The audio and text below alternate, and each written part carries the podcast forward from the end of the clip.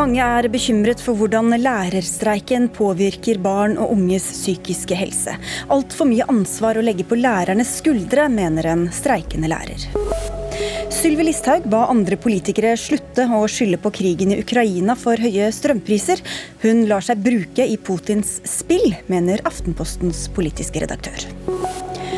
Sjakksporten er rystet etter at Magnus Carlsen ga opp et parti etter ett trekk. En klubbkollega berømmer Carlsens aksjon mot mulig juks i sjakken. Og ren Oslofjord og gode sykkelveier, slik presenterer Statens vegvesen den nye E18 vest for Oslo i nye reklamefilmer. Parodisk grønnvasking, ler Naturvernforbundet. Ja, det er noen av sakene i Dagsnytt 18 hvor det også skal handle om et dødsfall i Iran som har ført til store protester. I studio denne tirsdagen, Sigrid Solund. Mange er eh, engstelige for hvordan den pågående lærerstreiken kan påvirke psyken til barna og ungdommene som ikke får gått på skolen, og dem blir det mange av etter hvert. Barneombudet har sendt bekymringsbrev, Rådet for psykisk helse etterlyser tvungen lønnsnemnd, lista er lang. Lars Berntsen, du er rektor ved Amalie Skram videregående skole i Bergen og har også vært eh, ute med bekymringsmeldinger. Du sier at du ringes ned av foreldre. Hva er det de sier til deg? Jo takk. Jeg vil jo først og fremst si at uh, på en skole med mer enn 1000 elever, så rammer jo denne streiken veldig ulikt. Og Vi har jo i utgangspunktet bedt om tett dialog med foresatte med skolestart, og vi har den tette dialogen. Eh, og Jeg føler det er min plikt som rektor å ta opp og snakke på elevenes vegne her. Eh, eh, de foresatte de er bekymret for både den faglige progresjonen, men kanskje mer akutt for enkelte elever er den psykiske helsen. Ja, hva, hva, frykter du at konsekvensene kan bli for noen? I ytterste konsekvens er det at elever faller ut av skolen. Ytterste konsekvens. Det er mange som har kommet med tilsvarende bekymringer, og i går så toppa det seg for deg, Katrine Nyborg Johansen. Du er lektor ved Tromstun skole i eh, Tromsø.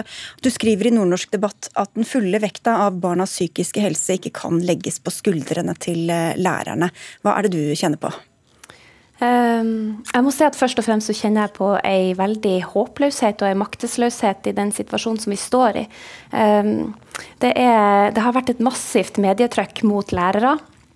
Eh, der vi eh, blir beskrevet som egoistisk fordi at vi velger å bruke streikeretten. Eh, og det innspillet som jeg kommer med, som også baserer seg på, på det samme innlegget som NRK har skrevet om fra Amalie Skram, det er jo um, nettopp det her med at hvordan ansvar er det egentlig lærerne skal sette med og kjenne på i denne her situasjonen. Ja, Du skriver at dersom det forventes at læreren ikke bare skal være norsklærer lenger, men også psykolog, familieterapeut, barnehus, barnevern, politi og miljøarbeider, da snakker vi om en ganske mye lengre utdannelse enn eh, fem år. Hvordan er det å høre og lese alle disse kravene til eh, alt som ligger på deres eh, skuldre nå? Ja, så Først og fremst så er det jo ikke krav som plutselig er lagt på våre skuldre. Det er jo krav som vi har eh, ropt om i mange mange år, at vi trenger hjelp. Både fra andre, andre faggrupper som må inn i skolen for å avlaste lærerne. Sånn at lærerne kan få fokusere på det som lærerne gjør best, som er å skape god undervisning og godt læringsmiljø. Eh, og så er det jo eh, det, det, det, er personlig veldig veldig tøft å høre eh, alle de her uttalelsene som kommer. Også fordi at eh, som lærer så går du veldig personlig inn i jobben din. Og det er også det som holder deg i jobben din, akkurat sånn som situasjonen er nå. Med den eh, måten vi blir behandla på av arbeidsgiver, også i forhold til lønn. Så er det, så er det engasjementet for elevene som gjør at vi, vi, vi blir. Mm. Men, men Berntsen, er det lærernes ansvar å sørge for de sårbare elevenes psykiske helse? Nei, og det har aldri vært min intensjon å, å, si noe om heller. Det som er viktig for oss, er jo at de elevene jeg tok opp og snakket om, det er jo elever som i utgangspunktet trenger eh, trygge rammer, strukturer og det som vi som skole kan tilby. Og Når deler av vårt apparat eh, ikke er til stede, så er det elever som vi blir ekstra bekymret for. Og det er ofte, altså Lærerne våre de har gode relasjoner til elevene våre. og Det er de som gjerne fanger opp i første omgang om det er elever som eh, har det vanskelig, og som da etterpå da kan eh, henvende, henvise elevene videre til rådgiver eller helsesykepleier eller hvem det skal være. Så Det er den første linje eh, som vi mangler nå i mange klasserom. Johansen? Mm. Jeg tenker at eh, akkurat sånn som norsk skole, Jeg er for så vidt enig, men eh, norsk skole sånn som den er skrudd sammen nå, så er vi jo førstelinje, andrelinje, tredjelinje og fjerdelinje. Eh, og det tenker jeg er en debatt som er nødt til å tas. Hvilken rolle skal læreren ha? Og nå er det ikke nødvendig, det er ikke akkurat den her, det er det massive medietrykket mot lærerne som er det som jeg poengterer. Det, det trenger å belyses fra en annen side hva lærerne faktisk står i. for Hvis ikke så blir jo streiken helt håpløs å forklare lære. Hvis ikke folk kan forstå eh, hva lærerne står i til daglig. Her er det jo, Vi snakker om sårbare barn, og så er det andre barn som bare trenger litt eh, rammer. Og så er det noen som kanskje kjeder seg. Det er jo veldig mange forskjellige situasjoner her. Lasse Hemdal, du er generalsekretær i Kirkens SOS, og dere får mange henvendelser både på telefon og på chattetjenestene. Hva er det de sier til dere? Vi får eh, daglig mange mange hundre henvendelser, eh, også fra barn og unge, eh, som forteller om ensomhet, som forteller om overgrep, som forteller om selvskading, selvmordstanker. Mange tunge ting. Du hadde blitt ordentlig deppa hvis du hadde sett og hørt på en del av de samtalene som vi har. Men hva sier de om skolens rolle oppi dette, da? Ja, Vi merker jo nå hvor flott og viktig jobb lærere gjør. Og hvor mye skolen betyr for mange unge. For det er en del som forteller om at eh, fravær fra skole gir eh, mer ensomhet og tunge tanker. Men dette handler jo ikke om lærernes skyld og ansvar. Tvert imot. Det er det jo noen helt andre som bør bære. Du sa um, fra Amalie Skram, Lars Berntsen, at deler av apparatet deres er borte. Men deler av apparatet er jo der også, da. Det er helsesykepleiere, andre ansatte ved skolen. Hva gjør dere for å legge gode rammer for de som, som trenger det mest når læreren er borte? Ja, jeg kan jo si at eh, De elevene som går i tilrettelagte klasser, de er ikke rammet av streiken. Og Der det har vært enkeltelever der vi har vært særlig bekymret, så har vi søkt dispensasjon og fått det av Utdanningsforbundet. Eh, så prøver vi å fange opp gjennom kanaler, og det er andre kanaler. og Det er jo gjerne foresatte som da ringer og er bekymret, og vi som er på skole prøver å fange opp eh, de elevene der. I tillegg så har jo vi en åpen skole hver dag fra seks om morgenen til ni om kvelden, så alle elever kan møte på. Vi har eh, gratis frokost, vi har suppe på ettermiddag til alle, vi har leksehjelp. Vi griller for alle elevene og prøver å få dem på skolen. Så de i hvert fall får det sosiale, og kanskje forhåpentligvis kan jobbe litt faglig i lag. Eh, og det høres jo veldig, veldig bra ut. Eh, vi tenker også at det er jo litt påtagelig at i denne samtalen vi gjør i dag, at ingen politikere stiller. Og det er ganske komfortabelt for myndighetene at dette nå blir en diskusjon mellom lærere og arbeidsgivere. Men det er jo ikke det det handler om. Det handler om at barn og unge over lang tid ikke har fått det hjelpetilbudet som de har behov for. Det er det vi er nødt til å fokusere på og ta fatt i. Og da kan jeg bekrefte det. Vi skulle gjerne hatt med noen ansvarlige politikere her. Vi har vært i kontakt med både Helse- og omsorgsdepartementet, Kunnskapsdepartementet, Barne- og familiedepartementet og flere til, men det var ingen som kunne eller ville stille. Men eh, Katrine Nyborg Johansen, lektor, eh, hva hadde hjulpet for dere? Hva slags, hva slags apparat er det dere savner for at dere skal kunne gjøre den jobben dere egentlig er satt til? Ja, altså For det første så vil jeg bare si at når, eh, når det nevnes hvor deppa man kan bli av å høre om situasjonen sånn som den er, så vil jeg også si at det er de historiene som jeg hører hver dag, og som andre lærere hører hver dag, og som vi jobber med hver dag. Eh, det hadde vært veldig greit med ei helsesøster på skolen. Det hadde vært veldig greit med en miljøarbeider, eller at man var to lærere i klasserommet. Dette er ting som vi har ropt om i mange år, men så er det sånn at det, hører, det, virker som at man slutter å høre på læreren når man er ferdig på skolen. For det er som du sier, det er ingen politikere som stiller for å ta det ansvaret som de har.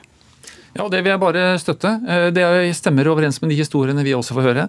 Eh, barn og unge som står i kø for å komme til eh, helsetjeneste på skole. Barn og unge som står i kø for å komme til helsetilbud på BUP og andre steder. Foreldre som er fortvilt for at de ikke får hjelp til ungene sine lange ventetider, og når de først kommer inn på et hjelpetilbud, så blir de skyfla fort igjennom, rett og slett fordi det er så mange andre som også står i kø. Dette er dramatisk, altså. Dette er vi nødt til å ta fatt i nå.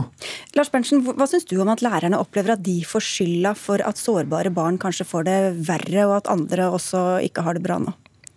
Ja, det, det, er en veldig vanskelig situasjon for, for, alle parter. dette. Det er for elever, det er for lærere og det er for, for ledelse.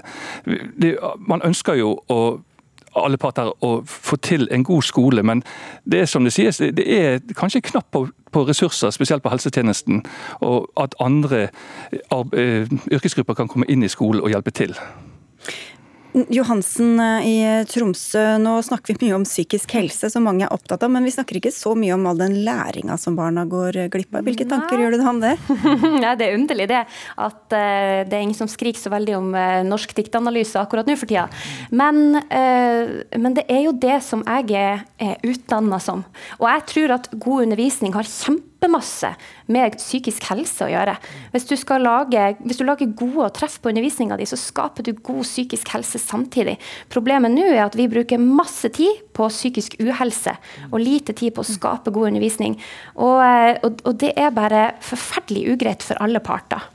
Så selv om barna kommer tilbake på skolen Lasse Heimdal fra Kirkens SOS, så løser ikke det det grunnleggende problemet? Nei, på ingen måte. Læreren gjør en fantastisk jobb, det merker vi og hører vi. Men eh, skal vi få gjort noe, og særlig med de busslastene med unge mennesker som velger å gå ut av livet hvert år, så må det helt andre tiltak til, og det må følge penger med på handlingsplaner og, og tiltak fra, fra myndighetenes side.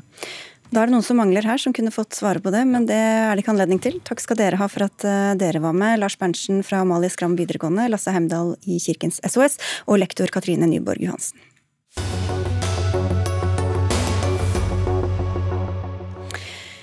Frp-leder Sylvi Listhaug beskyldes for å løpe Putins ærend etter at hun ba andre politikere om å slutte å skylde på krigen i Ukraina for de høye strømprisene. Ordene falt fra Stortingets talerstol i går og førte til krasse kommentarer både i Dagbladet og Aftenposten i dag. Du er politisk redaktør i sistnevnte avis, Kjetil B. Alstaheim. Aldri før har noen i stortingssalen gått så langt i å frita Russlands president Vladimir Putin for den krigføringen han driver med, og det på fullstendig sviktende grunnlag, skriver du. Hvor tar Listhaug feil? Nei, det er, altså Listhaug er jo kjent for å kalle en spade for en spade. Eh, nå går hun langt i å kalle Putin for uskyldig, ved å si at man ikke skal skylde på krigen for, eh, i Ukraina for den eh, energikrisen som Europa opplever. Og Det er klart, det er flere årsaker til at det er anstrengt, en anstrengt energisituasjon. Men det at Vladimir Putin skrur igjen gasskranen, er en, den hovedårsaken til at det er blitt så dramatisk som det er nå. Listhaug står ikke på Ukrainas side, sier du. Det er ganske krast? Ja, Nå fører jo Putin eh, en tofrontskrig. Han har en krig med tanks, artilleri, soldater i Ukraina. Vi ser resultatene av det. Ødelagte byer, massegraver, sivile som blir drept. Og han fører en energikrig mot Europa. Målet med den krigen er å skape splittelse, svekke demokratiene, svekke det samholdet som er mellom vestlige land i det å støtte Ukraina og stå uh, i, en felles front mot uh, Russland. Det er hans mål. og Det som er viktig for Norge og, og våre allierte nå, er å finne ut hvordan kommer vi oss gjennom denne krigsvinteren sammen mest uh, mulig skadefri, og ved å beholde den, bevare den støtten til uh, Ukraina som er så viktig. Sylvi Listhaug, leder i Fremskrittspartiet. Dette er jo kompliserte saker. Jeg vet at du ofte også gjerne vil snakke om alt vi skal gjøre framover for å løse krisa, og hva vi skal bruke strøm på og ikke. Men hvis vi holder oss i dag til det du har sagt, og til det Alstaheim sier, så blir det lettere å henge med også. Hvordan er det å bli beskyldt for å løpe Putins ærend? Jeg syns det er grove påstander som kommer. Fremskrittspartiet har støtta helhjertet opp om hjelpa til Ukraina Ukraina, og selvsagt støttes Ukrainas kamp mot Russland. Men jeg syns det blir veldig enkelt, sånn som vi ser riksaviskommentatorer og enkelte andre politikere nå, som utelukkende eh, skylder på krisa som er på Putin. At han er en viktig del av årsaken til at det forsterker seg, at vi har situasjonen, er det ingen tvil om. Men våpen i hånden til Putin er det tyske og europeiske politikere som har gitt han. Gjennom å bygge ut eh, gassrørledninger. De har blitt advart av fire amerikanske presidenter mot å gjøre seg mer avhengig av russisk gass. De så vekk ifra det, gjennomførte det likevel. Og så er vi kommet der vi er kommet. Norske politikere har et ansvar gjennom at vi bl.a. gjorde den tabben at vi bygde to utenlandskabler, som viser seg å øke krafteksporten med 45% prisen med 25% Og Jeg syns det er rart at Alstaheim og de andre er så ivrige etter å frata norske politikere skylda, eh, europeiske politikere skylda, når det er helt åpenbart at også vi har et ansvar.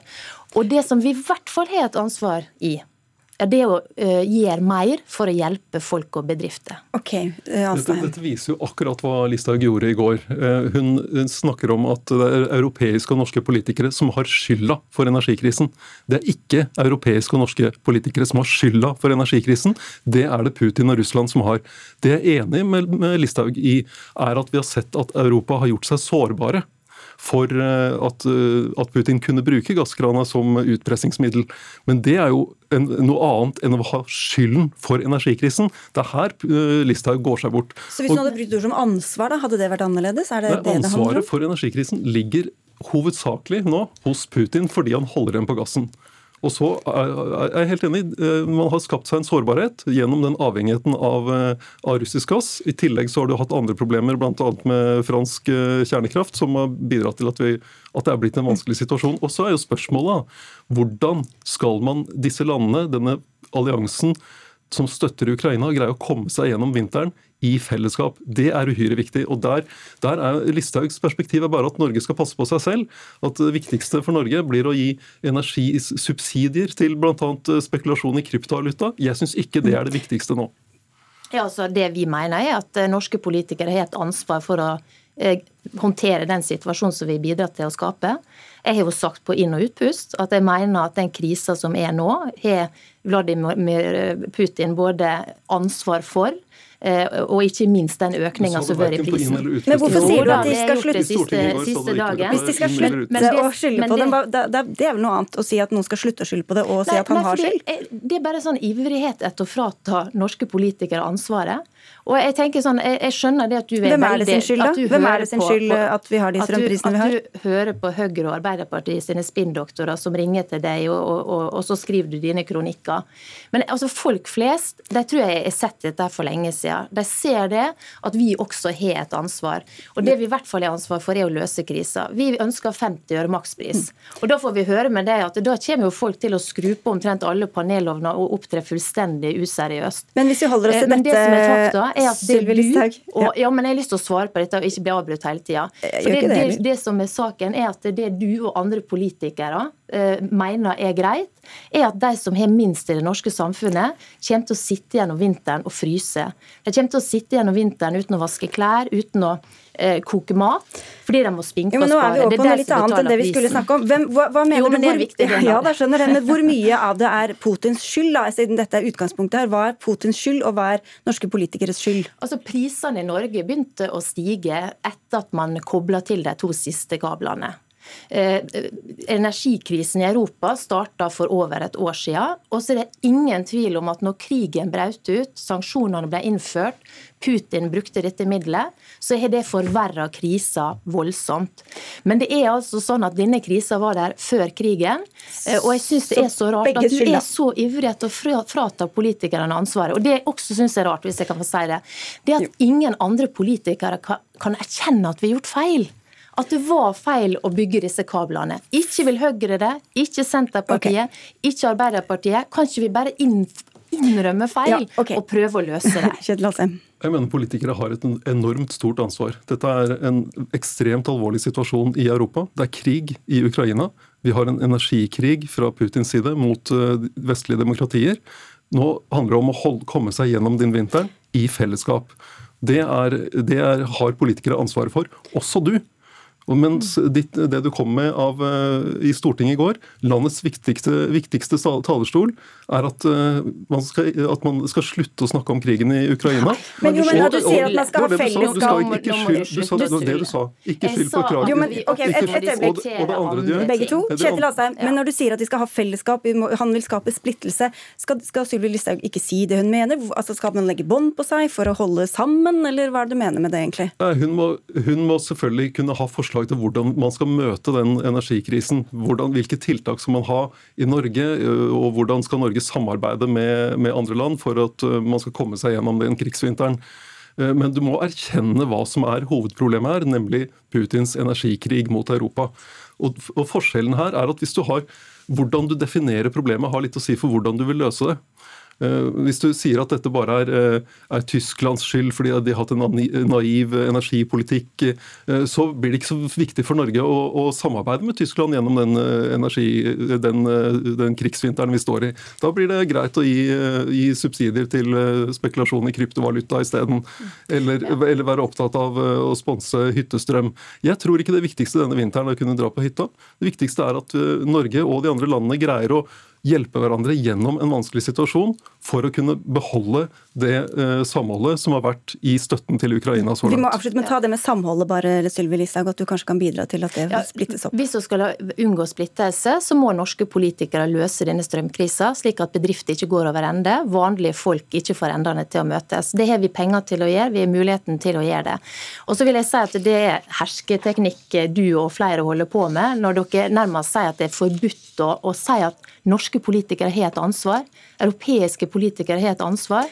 Og jeg syns det er rart at du er så opptatt av å uh, liksom framheve det. Okay, Men det tar vekk det, den debatten som vi burde hatt, nemlig den klima- og energipolitikken som er ført i Europa og Norge, og som har ført oss den, utfor stupet på energipolitikken, og som du dess, dessverre har, okay. fulgt uh, Fem og, og sekunder, Alstaheim, på tampen. Ja, det er, eh, det er, jo viktig å finne ut hvordan skal altså De tiltakene vi skal sette inn eh, for å hjelpe folk og bedrifter gjennom denne eh, vinteren her hjemme, må jo ikke være tiltak som forverrer krisen. Og det vil de forslagene fra, fra Fremskrittspartiet om maks 50 øre for okay, alle gjøre. Det var gjøre. det vi ikke skulle gå. Takk skal dere ha, begge to. Kjetil Astadheim fra Aftenposten og Sylvi Listhaug, leder i Frp.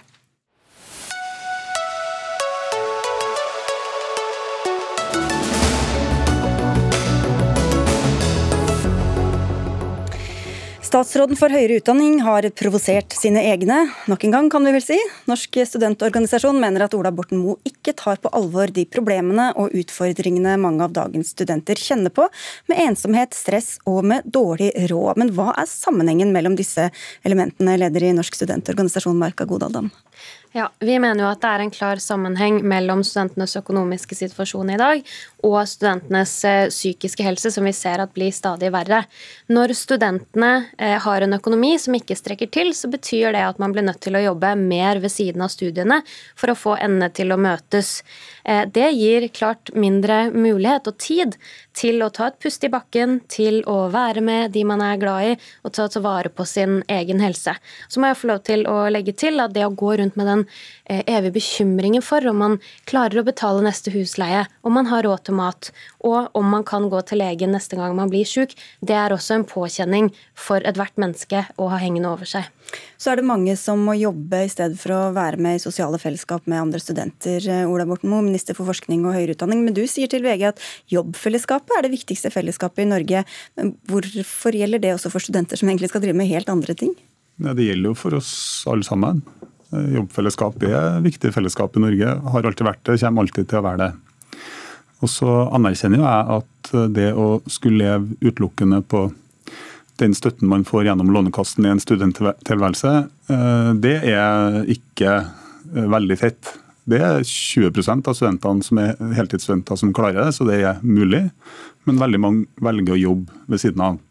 Og så har jeg sagt at det å jobbe ved siden av, det er, har mye positivt med seg.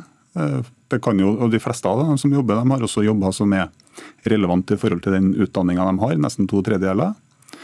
Og så er det jo eh, også sånn at eh, hvis du ser på de store tallene, så ser vi at fullføringsprosenten går opp på normert studietid. Eh, og så ser vi også at de som jobber ved siden av å studere, hurtigere kommer seg jobb etterpå.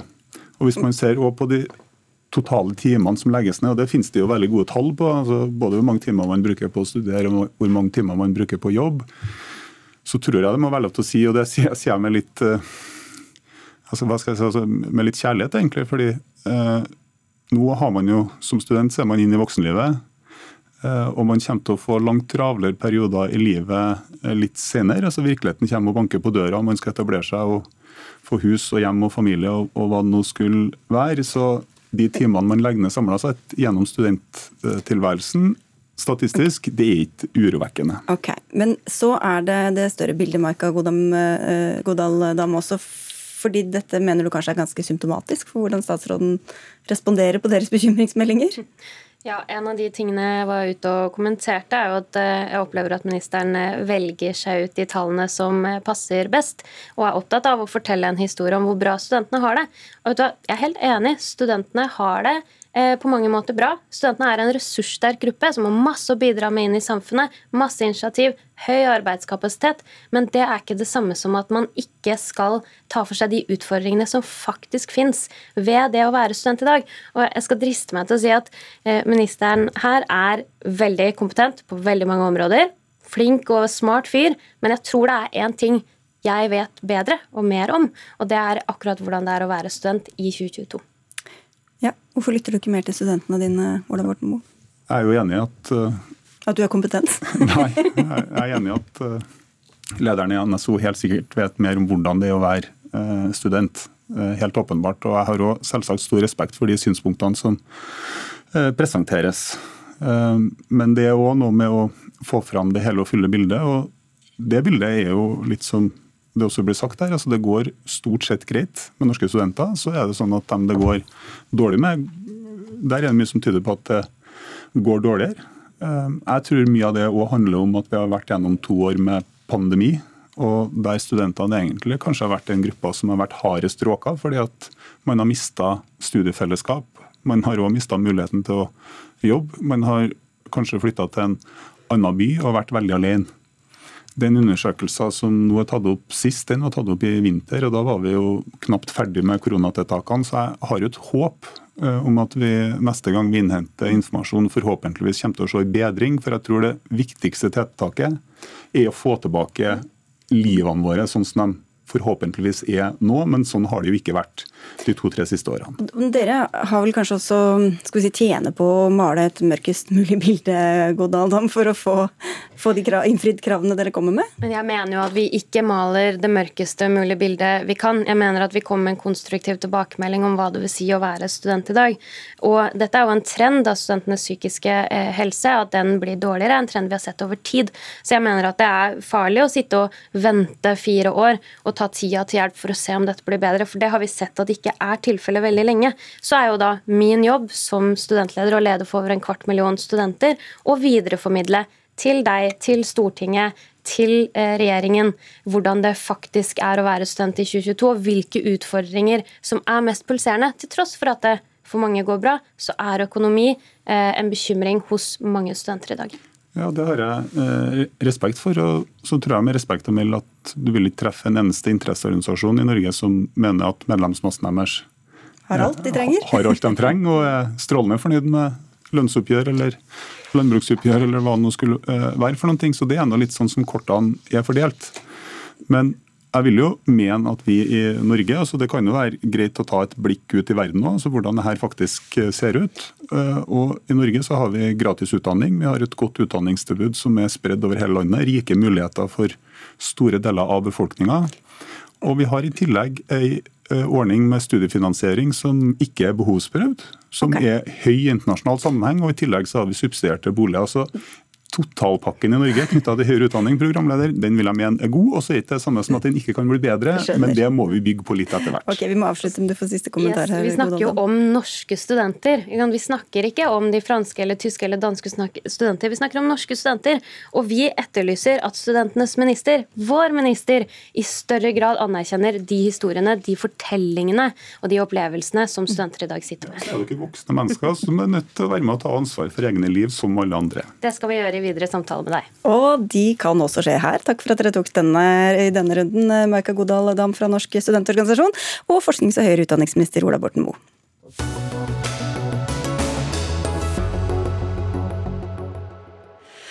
Det koker i sjakkens verden, nok en gang med Norges store stjerne Magnus Carlsen i hovedrollen. I et parti som i går, under en stor netturnering, ble det drama da Carlsen ga opp partiet mot Hans Niemann etter noen få sekunder. Noe de fleste leser som en protest mot en mistanke om juks. Torstein Bae, du er sjakkekspert for NRK. Hva var dette dramaet som hele sjakkverden nå er opptatt av? Ja, Det braket jo løs i St. Louis i USA for litt siden, da Magnus tapte mot denne unge sensasjonen Hans Niemann fra USA og trakk seg der fra turneringen. og Så litt tilfeldig skulle de møtes igjen eh, kort tid etterpå. Magnus velger da å stille opp, han spiller ett trekk, og så gir han seg og, og logger av denne netturneringen. Og, og, nå koker det virkelig i sjakkverden. Men han har vel ikke sagt hvorfor han gjorde det selv? Hva er det mistankene her? Han har jo ikke sagt det. Han har sagt nettopp at 'jeg kan ikke si noe mer', for da kommer jeg i kjempetrøbbel. Og alle har jo tolket det som at det er en anklage mot, uh, om, om, juks mot Niemann, og, og, Magnus har heller ikke avvist det. Så jeg tror det er nokså entydig at Magnus mener at dette er en juksepave, og, og Niemann har også erkjent at han er tatt for juks to ganger i spill på nett. Og dette har altså skapt bruduljer, som du sier. Tor Kjetil Larsen, du er tidligere leder i Stavanger sjakklubb og professor i psykiatri, uten at det er så vesentlig akkurat her. Han latterliggjør sporten vår, skriver du på sosiale medier. Hvordan gjør han det? Nei, jeg syns jo det han gjør er rett og slett ekstremt usportslig. Han setter jo både seg sjøl og Hans Niemann inn i et, eh, noen hjørner som det må være veldig vanskelig å komme ut av. Poenget er jo at eh, Niemann nesten settes i en kafkaesk situasjon her.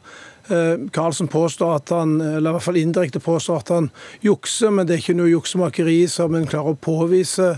Hvordan skal du bevise at du ikke jukser på en sånn måte som ingen klarer å påvise? Jeg mener at Bevisbyrden den ligger åpenbart hos Magnus Carlsen her, og det er vanskelig å se for seg hvordan han skal klare å komme ut av dette med æren i behold, rett og slett. Jon Christian Haard, du er daglig leder i Offerspill, som er Magnus Carlsens sjakklubb, der han også er styreleder. Og du berømmer handlinga i går kveld. Hvorfor det? Altså, dette må for all del tolkes som en juksebeskyldning. Eh, Magnus trakk seg fra partiet i går, ga seg etter ett trekk. Eh, det han, jeg tolker han sier med det, det er at han ønsker ikke å spille mot en, eh, mot en jukser. Og eh, han vil ikke gå ut med det han har foreløpig, rett og slett fordi han kan risikere både søksmål og suspensjon hvis eh, det er sånn at eh, det ikke er beviser som, som er gode nok. Men han kaster jo mistanke på noen som ikke har noe konkret å forsvare seg mot. da. Hvor sportslig er det? Nei, eh, altså Dette er en person som har et relativt rufsete rykte. Det har vært mange som har studert hans partier etter at Magnus gikk ut og og, og, trakk seg. Eh, det har vært eh, mange ulike analyser av hans, eh, hans, partier, og de er litt tvetydige, kan man si. Men det er veldig mange indisier på at han spiller veldig bra når han spiller på, på digital brett. Han spiller veldig godt i visse turneringer. Det er ja, ting som, som kan skurre litt her. Hva skulle han gjort da, Larsen, hvis han mener at noen unge amerikanere jukser? Nei, du vet, I sjakk så er det blitt sånn at det er faktisk ganske lett å jukse. Og Jeg skal ikke sitte her og si at vi vet at Niemann ikke jukser. Eh, det han skulle ha gjort, var selvfølgelig å ta det opp med dommere, ta det opp med FIDA, altså det internasjonale sjakkforbundet, fremsette påstandene. Og så er en i, i den eh, situasjonen at en må bevise at disse tingene har skjedd. Det er klart det er vanskelig, men eh, Magnus har nå gått ut med disse beskyldningene, og det er svært vanskelig for Niemann å bevise at han ikke har juksa. Eh, jeg ser ikke helt for meg hvordan Magnus noen gang i fremtiden skal kunne spille mot denne spilleren. Han er en ung 19 år gammel gutt. Han er jo up and coming, og om han har juksa noe på nett tidligere, altså når han var 12 eller 16 år gammel, er jo noe han har tilstått. Det kan vel kanskje mange av oss lett ha gjort. Men om man så jukser i eh, betal, altså turneringer hvor det er høye pengepremier, det er jo ikke bevist. Eh, men selvfølgelig, her er det en påstand som, som må fremsettes på et eller annet plan.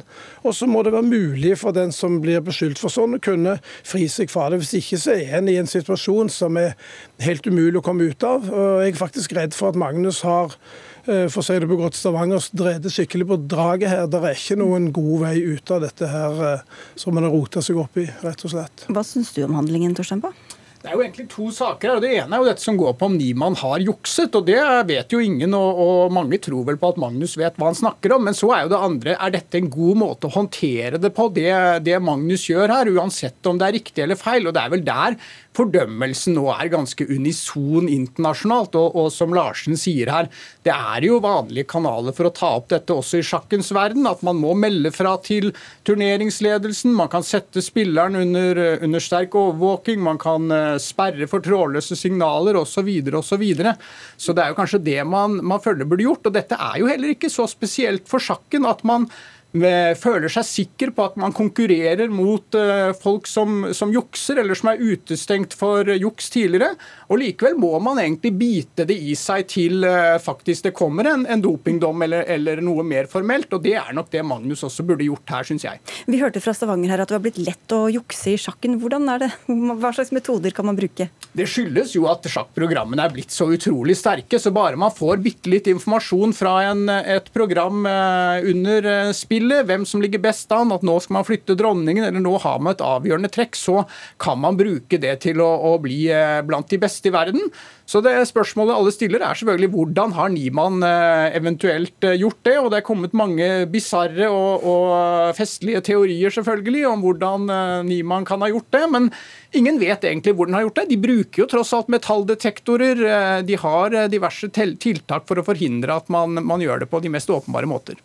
Ja, hva, Men hva, kan, hva, er teoriene da på hvordan man kan unnslippe disse reglene? Nei, altså den, den, mest populære teorien er vel at Niemann eh, skal ha brukt noe som, eh, noe som man kaller for vibrerende analkuler, som han rett og slett skal ha hatt i, i rumpa for å få morsesignaler under spillet. Men, men jeg vet ikke om noen tror på det. Og ellers så er det vel ikke sant? Kan man få en mobiltelefon? Kan man få noe i øret? Det er vel kanskje det som har vært den vanligste juksemetoden. At noen har noe bitte lite Bluetooth i øret, og har da en samarbeidspartner på utsiden som, eh, som bidrar med noe info.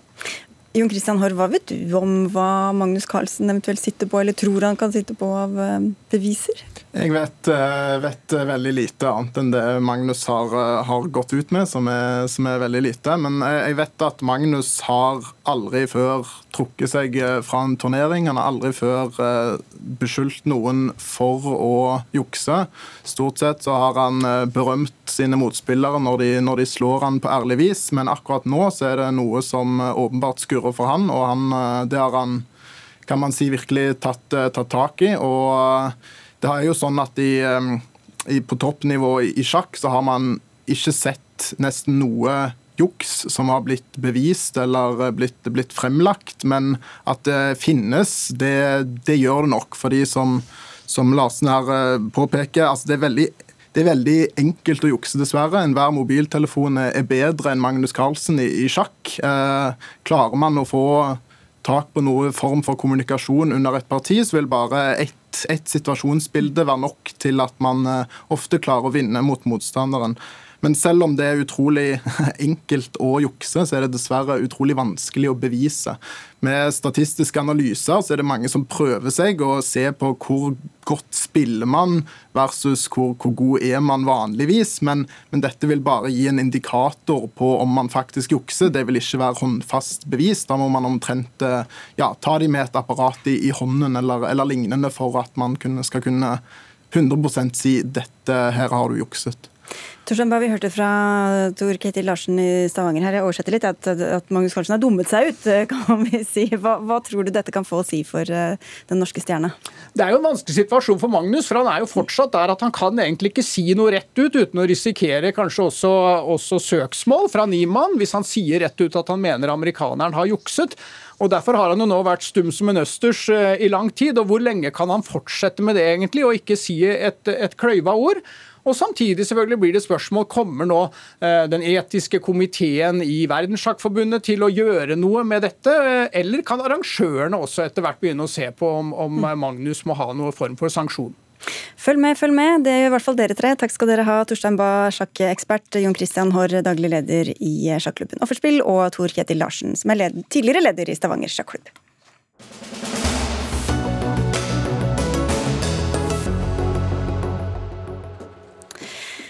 De siste dagene har det vært protester mot myndighetene i flere byer i eh, Iran. Grunnen er dødsfallet til den 22 år gamle Masa Amini før helgen.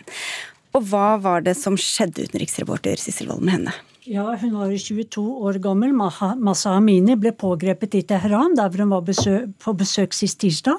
Og så ble hun da arrestert av dette hijab-politiet, eller moralpolitiet. Sånn veiledende patruljer som skal sørge for at kvinner har eh, sjalet over håret. og korrekt antrukket ifølge Irans islamske regler. Og hun ble arrestert av politiet, og så sier øyenvitnene at hun ble slått. Og hun havnet i koma, og hun lå på sykehus, og etter tre dager så døde hun.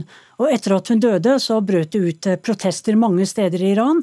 Politiet sier at det ikke ga henne juling, eh, men at hun døde pga. helseproblemer, og det sier familien er helt feil. Dette hijab-påbudet, hvor strengt er det, og hvordan er det det blir håndhevet eh, ellers? Ja, Alle kvinner i Iran må gå med sjal over hodet eller hijab, enten du er iransk eh, kristen eller jøde eller du er turist. Og så har du disse hijab-politibilene, sånne hvite kassebiler med grønn stripe, som kjører rundt for å lete etter kvinner som har litt eh, avslappet forhold til sjalet sitt. Og særlig, jeg har sett det mange ganger i Nord-Teheran, hvor folk er mer eh, liberale, hvor de er mer sekulære de går med veldig fargerike sjal, ofte langt bak på hodet. Og da tar de og kjefter på dem, de snakker til dem, i verste fall slår dem og arresterer dem. Så disse bilene ser man mye i Teheran. Vi har jo en del norsk-iranere. En av dem er stortingspresident Masud Gharahkhani. Han har i kveld lagt ut en videomelding på persisk om dette dødsfallet på Twitter. En annen er deg, Parnyan Amiramadi. Du er jusstudent. Familien din flyktet, fra Iran da du var ni år gammel. Hvordan reagerer du da du hører om skjebnen til Masa Amini? Det er veldig Selvfølgelig så er det veldig tragisk. Um, men dessverre, når man er fra Iran, når man er i det miljøet, så er det her noe som skjer veldig ofte. Um, så i det iranske miljøet så får man veldig mye interne nyheter om det som skjer internt i landet, som uh, dessverre ikke blir fanget opp av vestlige medier. Uh, så for oss så er det her Det er like tragisk å høre det hver gang, men det skjer så ofte, og det er så mye drap og pågripelser som er så urettferdige. Eh, så i Norge så er jo det sånn at de som blir pågripet, er jo kriminelle, og de har gjort noe straffbart. Mens i Iran så er det motsatt. Det er akademikere, det er journalister, det er um, menneskerettighetsforkjempere. Så det er en veldig tragisk situasjon som har pågått i så mange år. Hvordan var det å vokse opp der som jente? Uh, så jeg bodde jo der til jeg var ni år. Um, så jeg har jo gått på barneskole i Iran. Uh, og da er jo hijab en del av uniformen. Så helt siden første klasse så skal man gå med hijab, og det er noe som blir på en måte opplært Man blir opplært i helt siden barneskolen. Um, så jeg har jo vokst opp i en veldig sånn politisk familie. Um, for faren min var også journalist og var veldig aktiv og skrev mye mot myndighetene. Um, så jeg fikk jo veldig sånn forskjellige signaler på skolen uh, i forhold til det jeg fikk hjemme, mm. om hvordan uh, situasjonen var. Så på skolen så fikk man jo høre at uh, alt myndighetene gjorde, var så bra, og at Eh, man må bruke hijab og gjøre alt det her, og det er det man skal gjøre. Mens eh, hjemme så fikk jeg høre noe helt annet om hva som skjedde med vennene til faren min. og ja. Hva slags eh, oppslutning har både dette sjal- og hijab-påbudet Sissel, og andre strenge religiøse regler? Ja, jeg spurte de jeg har jobbet med i Iran, og de er jo ikke noe tilhengere av regimet i det hele tatt. Og de mener jo at halvparten av kvinnene hadde kastet hijaben og sjalet hvis de kunne det. For det er jo mange som er konservative og religiøse, men veldig mange av de sekulære kvinnene i Iran de hater jo også islam, religionen, fordi at regimet bruker dette for å undertrykke folk, og for å undertrykke særlig kvinner. Og viktig å nevne, eh, president Ibrahim Raisi han innførte nye kleskoder og regler 15.8 i år, sånn at nå er det blitt enda strengere. Og myndighetene har også eh, akkurat proklamert, eller sagt fra, at eh, nå skal de begynne å bruke sånn digital gjenkjenning, ansiktsgjenkjenning, for å fange opp de kvinnene som bryter reglene ifølge deres kleskoder. Dette dødsfallet har jo fått noe oppmerksomhet, men ikke så veldig mye. Rik Stefansen, du er politisk redaktør i Nettavisen. Du trekker paralleller til George Floyd-saken, som jo vakte veldig mye mer oppmerksomhet og protester egentlig i verden rundt. Og så spør du hvorfor bryr vi oss mer om amerikansk politivold enn iransk? Hva er ditt eget svar? Det er et spennende spørsmål. Altså, Nettavisen har jo i flere år hatt mange sekulære, altså ikke-religiøse muslimer som spaltister i, i Nettavisen. Uh, og det var jo Mina Bay, som er en iransk flyktning bosatt ansatt i Norge som har skrevet hos oss i mange år, som skrev om dette her på mandag. og Da skrev hun en sint og opprørt kommentar, skrev hun, og skrev at nå har jeg fått nok.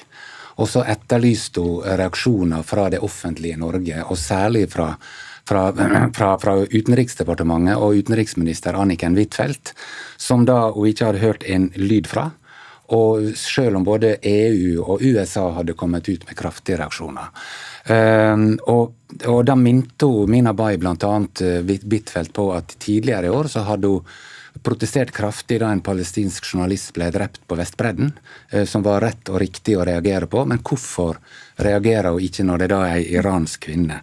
Og det rare er jo at når vi da Vi fulgte opp den saken med vår reporter i New York, så vi fikk et intervju med Huitfeldt i New York i, i går kveld eller i natt. Eh, så reagerer jo da Huitfeldt med at, at, eh, at hun ikke har blitt spurt. Eh, noe som er veldig rart. Altså hun svarer det? Hun svarer ja. det, at, at, at, da er det vanskelig for henne å, eh, å, å, å, reagere. Noe som jo er veldig rart, siden vi et halvt døgn tidligere hadde sendt spørsmål, og som sagt, andre land hadde reagert uten å bli spurt. Vi har invitert Utenriksdepartementet, men de eh, hadde ikke anledning. Eh, som du sier, nå har hun Jeg vet ikke nøyaktig hva kommentaren var, men hadde fordømt det, eller sa at hun hadde sin dypeste medfølelse, eller det var noe i den leia, i hvert fall. Ja, hun har det. Men, men det, det, det, sier jo litt at jeg ikke vil stille opp i denne debatten her men, heller, da. Men er det så rart at vi forventer andre ting, altså ettersom vi dro inn George Floyd her, da, forventer andre ting av amerikansk politi og iransk eh, moralpoliti? Nei da, det, det, det, var Mina Bay som dro opp den sammenligninga også. Eh, og jeg tror ikke at hun mente at vi skriver for mye om George Floyd. Eh, det gjør vi nok ikke. Men det er jo kontrasten som blir så veldig stor. Og så er det noen logiske forklaringer på det. At, eh, at mishandlinga av George Floyd ble filma minutt for minutt. Vi kunne liksom sitte og se hva som skjedde. Eh, en annen forklaring er at vi nordmenn har et veldig nært forhold til USA, til Amerika. Vi, det er nesten som om det skulle skjedd på, på hjemmebane. Og vi har større forventninger til USA enn til Iran. Men så det, det er ikke hele forklaringa. Der, der, ligger noe mer, mer, under, som jeg forstår veldig godt at iranske kvinner i Norge reagerer veldig sterkt på. Vi kan høre med deg, Amir Amadi, for du har også skrevet om dette tidligere i Aftenposten. At du etterlyser mer reaksjoner eh, fra vel både politikere og feminister om situasjonen for kvinner i, i Iran. Hva burde man si og gjøre? Mm, personlig så skulle jeg bare ønske at vi fikk litt mer støtte fra politikere og egentlig feminister. Um, for jeg føler at når det motsatte skjer, da, at uh, man snakker om f.eks. en mulig hijabforbud, så er det så mange som kommer på banen uh, og snakker om det. Mens når det gjelder iranske kvinner, så føler jeg at vi er veldig alene i det. Um, og på en måte så kan jeg forstå at uh, mediene ikke har lyst til å snakke like mye om det, fordi jeg vet at det kan uh, føre til at folk er redd for at hvis de setter islam i et dårlig lys, så kan det føre til mer rasisme mot muslimer. Så det har jeg full forståelse for. Men jeg syns det er trist at man må bare velge det ene og ikke det andre. Man kan kjempe for begge deler, at, for det handler om friheten til å kunne velge. Uh, og jeg syns ikke de skal stilles opp mot hverandre i det hele tatt. Jeg skal bare høre med deg, Sisselvold, for Det har jo vært eh, protester flere steder i Iran nå i etterkant, som du også var inne på. Hvor, hvor spesielt er det? Nei, dette dødsfallet er en trigger, fordi det er jo mange iranere som er rasende over at regimet bruker masse ressurser på å se om kvinner viser hår, når det er stor, så store problemer i landet som korrupsjon, og det er sanksjoner, det er økonomisk krise. Eh, det er enorm arbeidsledighet blant unge mennesker, nesten 30 og så skal man være opptatt av om kvinner dekker til håret eller ikke. Og i tillegg så er det jo masse penger som sendes ut av landet til Hizbollah i Libanon sant, til Hamas i Gaza. Regimet bruker masse penger på militante grupper når mange iranske familier har problemer med å kjøpe nok mat til barna sine. Så dette er en trigger, for det koker virkelig under overflaten i Iran. Mm. Ja, og så tror jeg at, at, at, det iranske folk venter at faktisk at ut, utverden reagerer. Og jeg tror, som, som du sier, og Minabayo skriver, at det, at det er en viss berøringsangst. Vi er blitt litt reddere for å kritisere brutale islamistiske regimer. Et fantastisk unntak var jo Lise Klavenes fotballpresidenten som liksom snakka fotballting midt imot i selveste Qatar. Men grunnen til at det gikk verden rundt og var, vakte sånn oppsikt, var jo at det var et unntak. Mm. Uh, og det er jo slik vi gjerne ville sett en norsk utenriksminister får bare gjenta at hun ikke hadde anledning til å være med. Men takk skal dere ha for at eh, dere kom, Erik Stefansen fra Nettavisen, Parjan eh, Amiradi, som altså er norsk-iransk jusstudent, og eh, utenriksreporter Sissel Wold.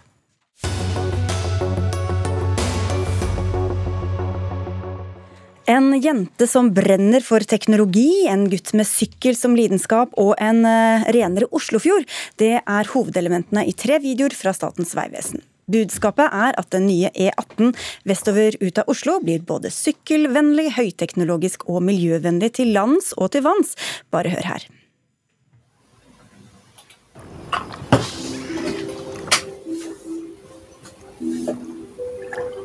Vi, vi har alltid vært mye på sjøen.